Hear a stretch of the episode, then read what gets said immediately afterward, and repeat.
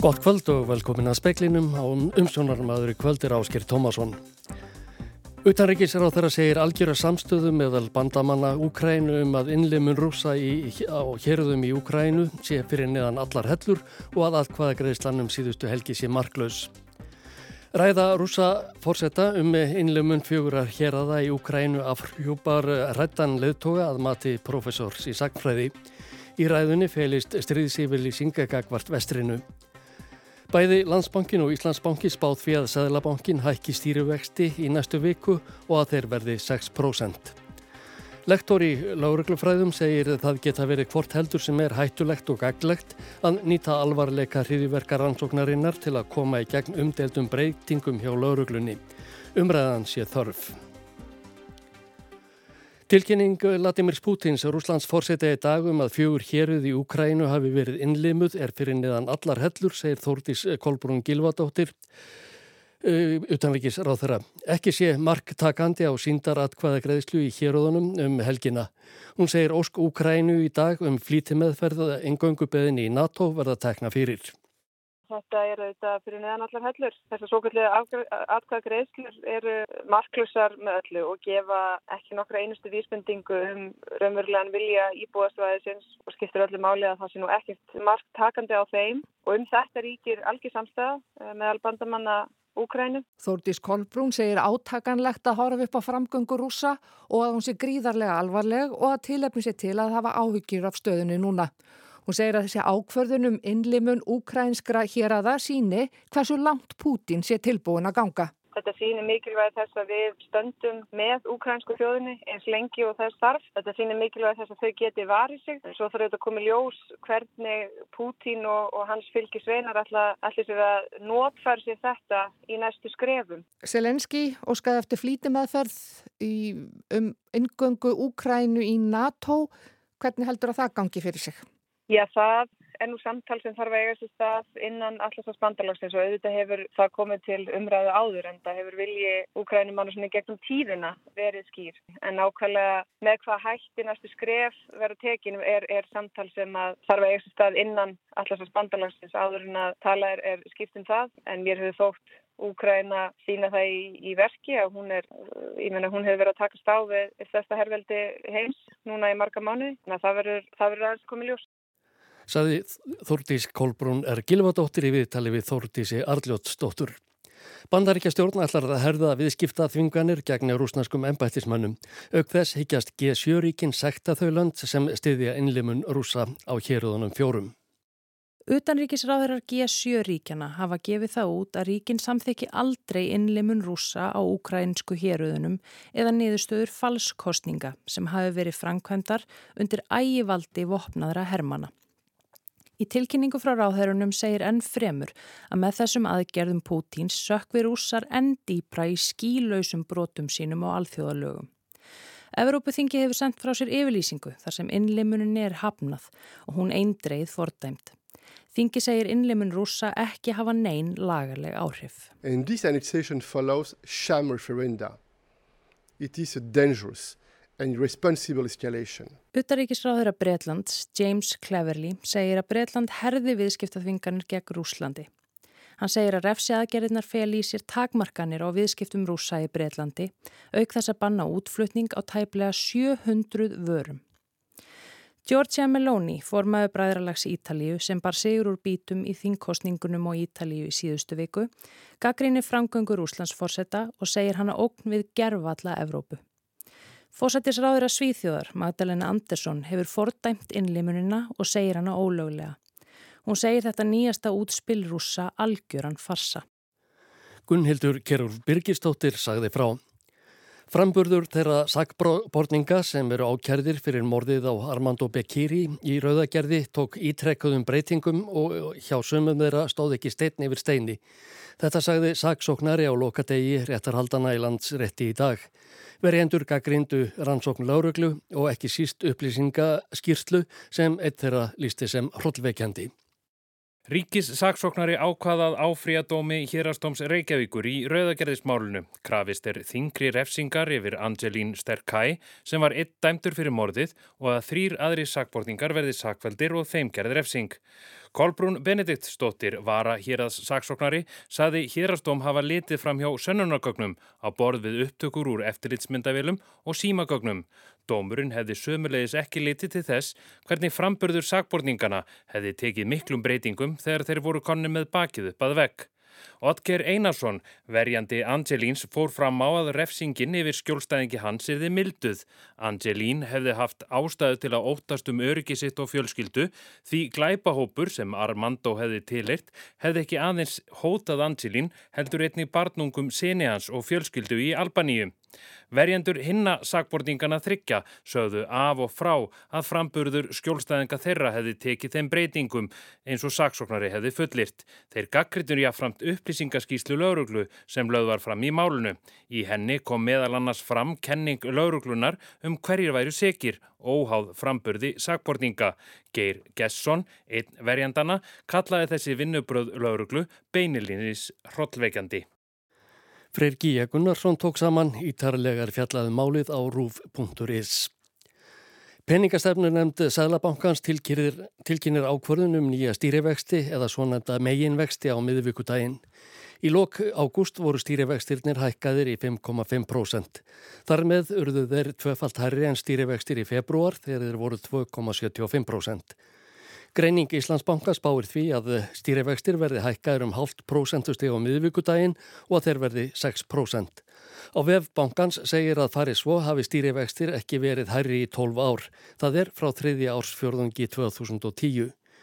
Greining Íslandsbanka telur einnig að eftir vaksta hækkunina á miðvíkudaginn láti Sæðlabankin staðar numið í bíli. Hagfræðideild landsbankans spáði í gerð sömu vaksta hækkun en öfugt við Íslandsbanka telur hagfræðideildin líklegt að vakstar hækkunar ferlinu sé ekki lokið. Mótherri Sjærs Bolsonaros eh, í fórsetakostningunum í Brasilíu um helgina hefur áhyggjur af því að Bolsonaro í eftir að valda ringulreið í landinu fá hann ekki flest atkvæði í fyrstu umferð kostningana. Luis Inciano Lula da Silva er á vinstri vang stjórnmálana og var fórseti Brasilíu frá 2003 til 2010. Kostningarnar eru sagða stríð millir hans og Jairs Bolsonaros fyrir núverandi fórseta landsins. Aðrir frambjöðundur mælast með mun minna fylgi. Sá sem nær kjöri tekur við taumunum á tímum mikillar efnahagskreppu og sögulegrar eyðingar Amazon frumskóarins. Bolsonaro sem mælist nú með minna fylgi í skoðanakonunum en andstæðingur hans hefur gert allt hvað hann getur til að kasta rýrð á kostningakerfi Brasilíu og gefið í skín að hann muni ekki sætta sig við ósigur í kostningunum. Hann hefur til að mynda sagt einfalt að svindla í þeim vélum sem notaðar eru við kostningarnar. Bolsonaro er með þessari orðræðu sagður búa sig undir að draga niðurstöður kostningana í Eva verði þær honum í óhag. Sverrir Guðnason er tilnæmdur til alþjóðlegu emmi verðlunana fyrir leiksinn í konunglegu lindarmáli en kunglig affer. Þar leikur Sverrir Ástmann Svíja konungs, Kurt Hæby sem var síðar dæmdur fyrir að kúa fjö út, út úr sænsku konungsfjölskyldunni. Þættirnir eru fjórir talsins og allir aðgengilegri spila rúf. Alþjóðlegu emmi verðlunin verða veitt í 50. sinni í New York borgum ánudaginn 21. november. Sjónvarpsefni sem ekki er framleitt í bandaríkjónum á möguleika á tilnefningum á alþjóðlegu emmi-verðlununum auk bandarísks efnis sem ekki er á ennsku. Ræða Latimírs Pútins fórsetar Úslands um innlimun héraða í Ukrænu var stríðseyfirlýsing gagvart vestrinu, segir Rósa Magnúsdóttir, professor sem þekkir vel sögur Úslands og Sovjetrikjana. Pútin óla á hatri og kvíða og afhjúpaði líka hrættan leðtoga að hennar dómi. Поле битвы, на которое нас позвала судьба и история, это поле битвы за наш народ, за большую историческую Россию. Örlaugin og sagan hafa kalla okkur til orustu á velli sem er völlur þjóðar okkar og þar berjumst við fyrir mikilleika og veldi Rúslandsaði Pútín þegar hann tilkynnti að fjögur héröð í Úkrænu væri nú hluti af Rúslandi. Í ræðu sem haldin var í gildum sali Kremla við stöttum rjómanum af valdaeilitu landsins saði fórsetin að borgarar þessara hér að það eruðu nú rúsneskir að eilifu. Hann fórum víðan völl, harmaði fall Sovjetaríkjan og vekað yfirráðum nazista í Ukrænu. Rósa er þetta misserið að kenna námskeiðum Pútín og misnótkun sögunar og hvað les hún í ræða hans í dag? Það er kannski ekkert sem kemur á óvart, það er svolítið áhugavert að sjá að við erum komin aftur í það svolítið að lesa í það sem er að gerast án þess að við vita það. Einmitt þetta, við vitum ekki hvað nánustur áðaminn er að hugsa en þarna voru sjónasmyndavilar á þeim og það var löngbyð eftir Putin sem kannski kom ekki á óvart og það var verið að lesa í svipriði uh, hvort að fólki leittist. Svo var líka áhugavert hversu mikið var verið að lesa í til dæmis þetta standandi lóaklapp eða klappin á milli og hver hætti fyrstur að klappa klappa og svona. Þannig að við erum alveg komin aftur í svona kaldastriðs fókus þessa kremlin og lógiu eins og hún var kölluð. Pútín vísaði til atkvæðagreðsna sem staðfestu fullan vilja íbúa til að verða hluti af Rúslandi. En eins og komið hefur fram greitum en þar atkvæða meðan hermenn og verðir stóðu yfir fólki með alvæpni og því hæpið að taka marka á niðurstöðunum. Og það var í rauninni, það sem mér fannst áhugavert við þessa ræðu var í rauninni hversu lítið hún fjallaði um Úkrænu og hann er ekki rauninni búin að gera grein fyrir því uh, hvernig hann ætli sér að ná yfir á þeim á þessu svæði sem hann er innlima.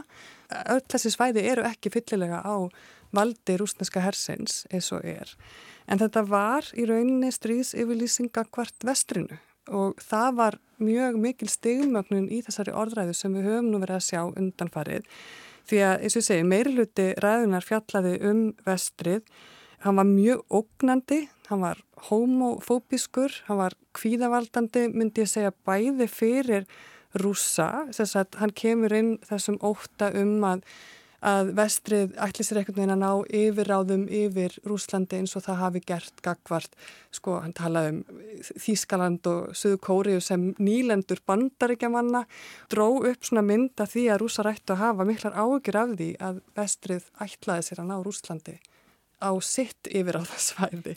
Viðbröð við ræðinu úr vestri hafa verið að innlimun hér aðna sé ólögleg og breyti engu um Úkrænu en hvernig verður þessu tekið af rúsum? Eins og að Pútin byrtist í dag að þá myndi ég telja að margi rúsar sjáu núna hrættan leðtóa. Hann er að koma inn hérna ákveðnum kvíða hjá rúsnesku þjóðinni sem að hann vonast til þess að muni auka stuðning við það sem núna verður hernaðar aðgerð, ekki bara lengur sérstök hernaðar aðgerð því að ef að núna þessi hérið eru hluta á Rúslandi að þá er þetta réttlæta áframhaldandi varnar stríð. Rúsar myndu skilgrina það sem varnar stríð ef að það væru áfram átök á þessu svæði sem, sem auðvitað verða. Rúsar sem að horfa þessa ræðu, þeir verða örglega svolítið, þeir, þeir munu örglega fara að hafa meiri ágjur því að þarna byrtist maður sem er búin að mála sig algjörlega út í hotn.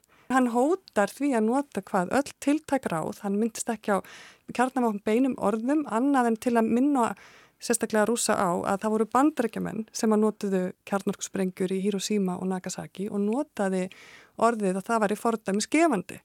Þannig að ég myndi segja að þarna kemur hann af stað sko hærra kvíðast í gagvart því hvernig þessi átökminni þróast. Ég held að við í vesturinn ættum alveg að hafa áhugjur áfram eins og við höfum hingað til haft en ég held að þessi að rúsar muni líka hugsa sinn gang. Við horfum rúsa hafa líka breyst bara núna á allra síðustu dögum samkvæmt skoðanakönnunum. Sko það var örgulega auðveldra fyrir það að leiða þetta hjá sér meðan það var bara sérstök hernaðarækjar en það eru auðvitað miklu erfiðara núna þegar líkot náði bara eitthvað sem þú þekkir verði kvatið til herþjónustu og þær hafa aukist til muna og núna síni, sína skoðanakannanir að rússar hafa meiri áhugjur af gangi mála í Úkrænu. Það er ekki spurt beint um hernað, heldur bara gangi mála eins og það er orðað. Og það eru mun færri sem að finnst þetta ganga vel. Það eru einhverjar rattir um bara, að það sé mikil óanæja hjá hátsættum embættismönnum, mjög lítið upplýsingaflæði og Pútín hefur í rauninu bröðist við þessum erfileikum í herrkvæningum með því að skella skuldinni á embættismenn og vill þá meina að þarna þurfum við eitthvað að laga og þeir þurfum að vera að passa þeir séu að, að kalla til rétta fólkið, fólkið sem muni ekki reyna að komast undan herrþjónustu. Sko það er alveg gríðarlega mikil hræðsla núna við stegmögnun og ég held að bæði meðal almennings sem eins og hefur verið rætt er núna að finna fyrir því að þetta stríði bara komið inn á heimilin. Þetta eru, þetta eru ættingar eða eitthvað sem þú þekkir sem eru líklega að fara í þetta stríð en það er líka verið að auka fjármag til herrmála. Eh, hagkerfið farið að snúast um stríð, það er alveg augljóst að það er líka í Rúslandi gert ráð fyrir lungu stríði og þá að sama svæt meðan að verða hérna, auka útgjöld til herrmála, til lögreglu og sérsveita, að þá eru innviðir hunsaðir. Það eru þá miklu minni útgjöld núna til mentamála og helbriðiskerfisins og það er svona undirliggjandi áhyggjur í Rúslandi og ég held einmitt þessi ræða í dag var sko ekki til þess að draga úr þeim.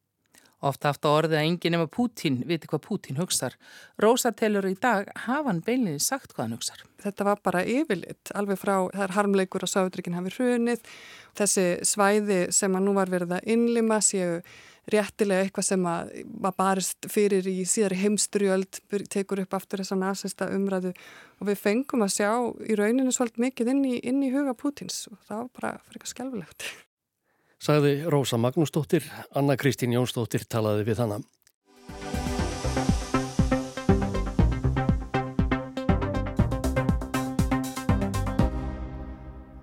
Rannsókn á myndri skipulagningu hriðiverka hér á landi er viðamikil eftir því sem framkom á frettamannafundi lauruglunar í gær.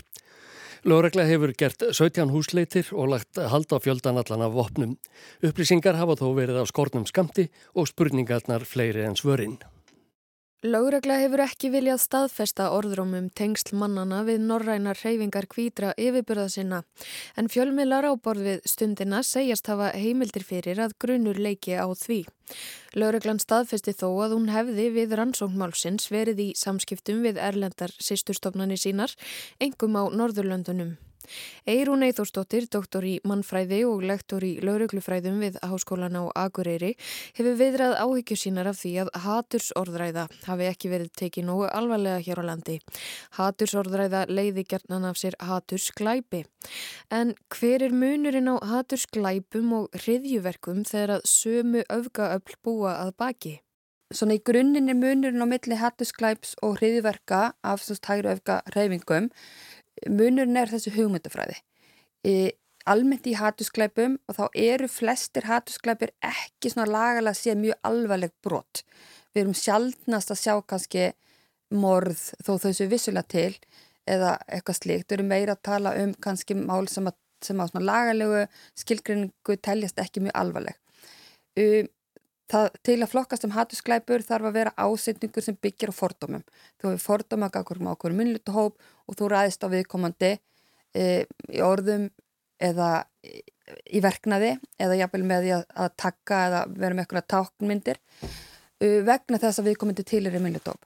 Þegar við erum að fara að tala um sko öfgarhefingar og hriðjverk og hver er munurinn þarna á að því hriðjverk er ekki alltaf þessi það sem við hugsum um hriðverk þegar við hugsum um kannski það sem átt sér stað í, í París eða Brussel, það sem að íslamistar eða hópa frá íslamistum uh, réðust að það, svo byrtingamind uh, hriðverka er ekki kannski aðalbyrtingamindin eða Annes Breivik.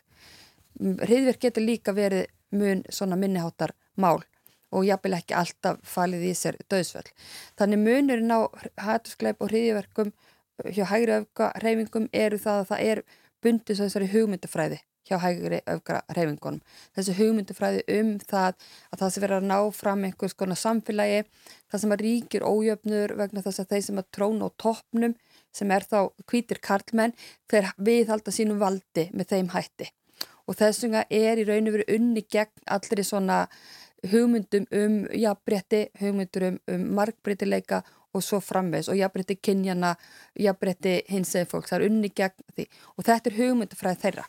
Þessi hugmyndufræði þarf ekki að vera til staðar í hattus glæpum en það er það líka oft sko byggt á einhverjum fordómum en, en ekki eitthvað svona hugmyndufræðilega séð. Mm -hmm. Þannig að hriðjverkin eru kannski já, skipulagðari starfsemi til þess að ná einhvers konar ítökum í samfélaginu eða hvað?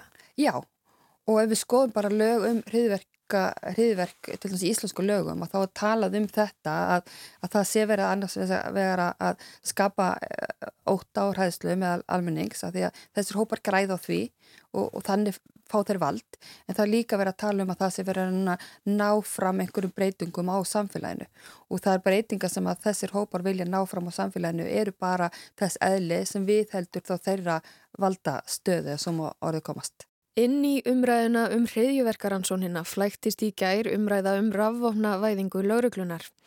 Það er svo sem ekki tilviljun.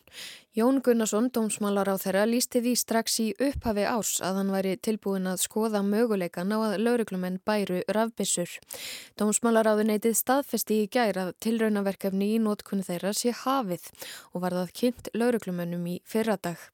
Tímasetningin verður að teljast heppileg.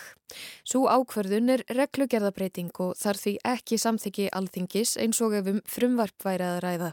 Sama dag og bleðamannafundur lauruglu var haldinn í síðustu viku dró dómsmálar á þeirra tilbúið frumvarp um forvirkar rannsónarheimildir upp úr hattinum.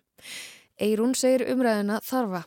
Já, ég þarna er nú ekki alveg svona kannski búin að kynna mér eða mynda með skoðunir á rafbissum en hitt er hins að staðrænt að um, vinnum hverju lauruglumanna er orðið mjög erfitt og sama tíma er mikill skortur á lauruglumannum. Við erum að sjá allt og mikið af ófaglarðu lauruglumannum við störf og það er ósættanlegt fyrir bara alla í samfélaginu.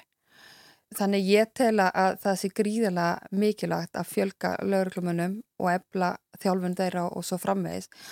Rafbissur, mögulega er þetta bara nöðsynlegt skref. Það kann að vera. Ég vil ekki útloka það þó ég vil kannski heldur ekki alveg samþykja að það sé komin þörf á þeim á því. Er hættulegt að nýta umræðu um svona alvarlega rannsóknir svo reyðivert til þess að koma ykkur svona að?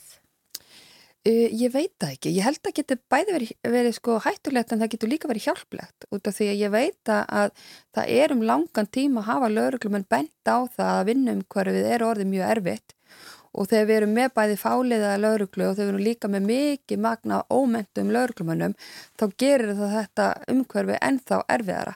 Þannig að kannski er þetta bara eðlilegt að þessi, þessi sko, tími sér nýttur í að koma sérst, á framfæri kröfum sem að hafa kannski leið fyrir lengi af halvu sko lauruglumanna. Þannig það er kannski ekki óeðilegt. Varðandi svona fórverkar rannsóknarheimildir að þá verður við líka að hugsa um það að, að þó það sé kannski litla líkur á því að hriðiverk sé framann í Íslandi eða eitthvað svona alvarlega ofbildisbrot þá, þá hefur kannski þetta mál sínt okkur að, að það er samt alveg möguleiki og auðvitað þurfum við að vera undirbúin aðstæðum, þó þar komið svo aldrei upp, þá þurfum við samt sem áður að vera undirbúin og löguruglan þarf að vera undirbúin. Og það má velta því upp sko það sem við höfum ekki leinithjónust eins og mörgun ríki sem eru kannski með mjög svona djúbsta rannsóknir og, og eftirlit og annað slíkt með aðilum sem að kunna reynast hættilegu samfélaginu, það má spyrja sig hvort að við séum bara komin á þann stað ég er ekki að segja að við séum það, ég hef kannski ekki alveg ákveðna, búin að ákveðna mynd af því, en við getum alveg spurt okkur þessu umræðu hvort við erum komin á það stað að við þyrtum að alveg íhuga að, að vera með fórurkar rannsóknarheldir. Þetta var Eirún Eithúrsdóttir, Hafdís Helga Helgadóttir tók saman. Making your way in the world today takes everything you've got Taking a break from all your worries sure would help a lot Hér hljóma upphafstónar upphafsstefs sjónvarpsþáttana Cheers eða Staupasteins sem gekk árum saman í sjónvarpi hérlendis sem erlendis við miklar vinsheldir. Í dag, 30. september, eru liðin 40 ár frá því að fyrsti þátturinn var síndur.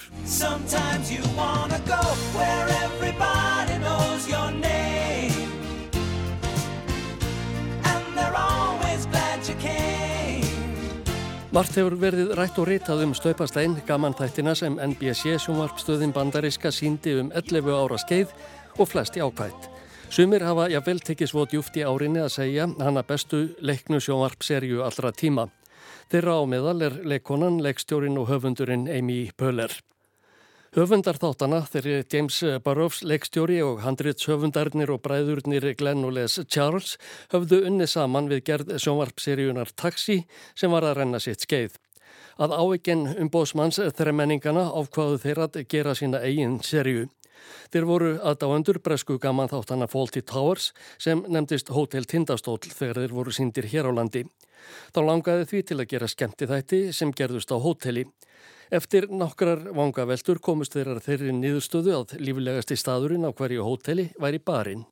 Höfundarnir veldu fyrstu fyrir sér að setja barinn niður einhver staðar úti í auðninni eða í fámennum bæ en þeir enduði í Boston, bandarísku borginni sem hefur yfir sér breskara yfirbragð en margar aðrar. Þar fundu þeir meira að segja barinn og veitingastæðin Bull and Finch pub sem varð fyrirmyndin að barnum Cheers sem varð miðpunktur sjónvarpsþáttana. Hann varð við það eitt af kennileitum Bostonborgar þar sem fjöldi ferðamanna hefur komið við eh, síðustu áratugina.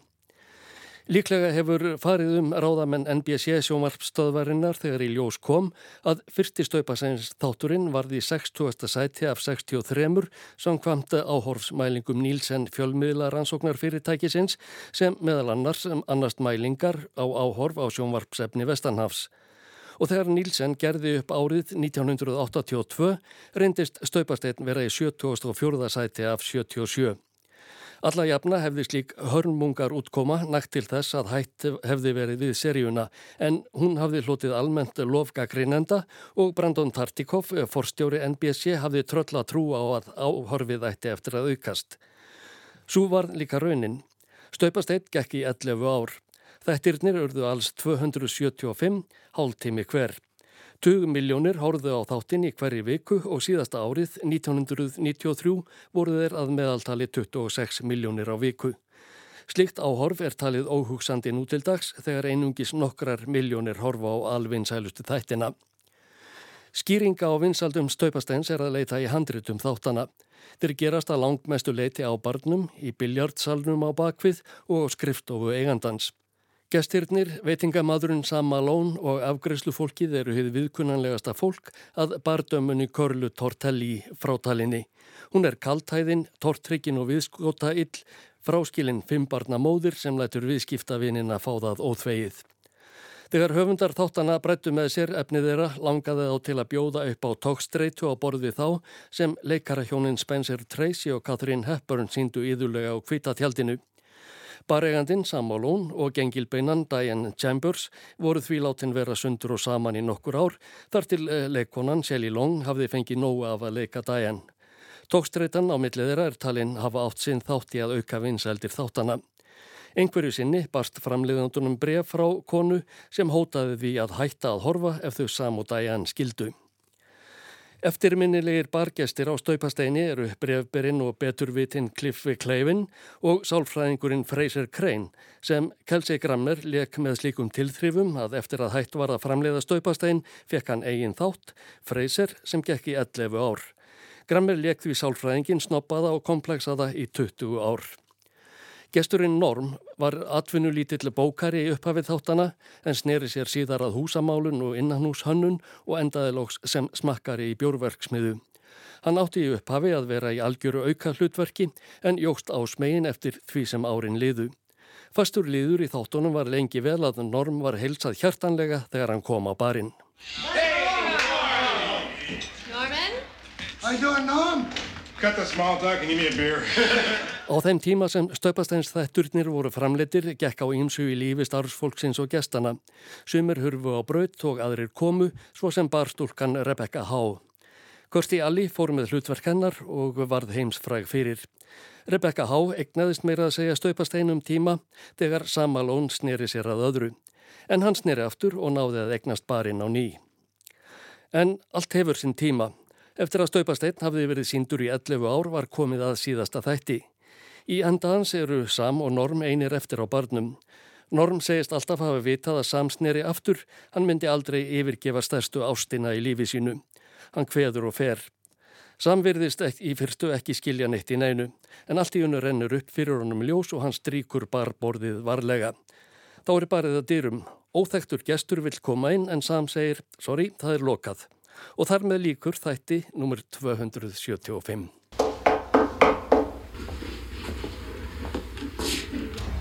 Sorry, we're closed. Og þá er það veðurhorfur næsta sólaring. Austan átt og mjög vætusamt á austfjörðum og ströndum en annars mun úrkomi minna. Allt hvers norðan áttum landið vestanvert í kvöld og nótt en lægir smám saman á morgun. Víða verður nokkur væta. Hiti breytist lítið. Fleira er ekki speklinum að þessu sinni. Tæknimaður var Magnús Þorstedt Magnússon. Verði sæl og góða helgi.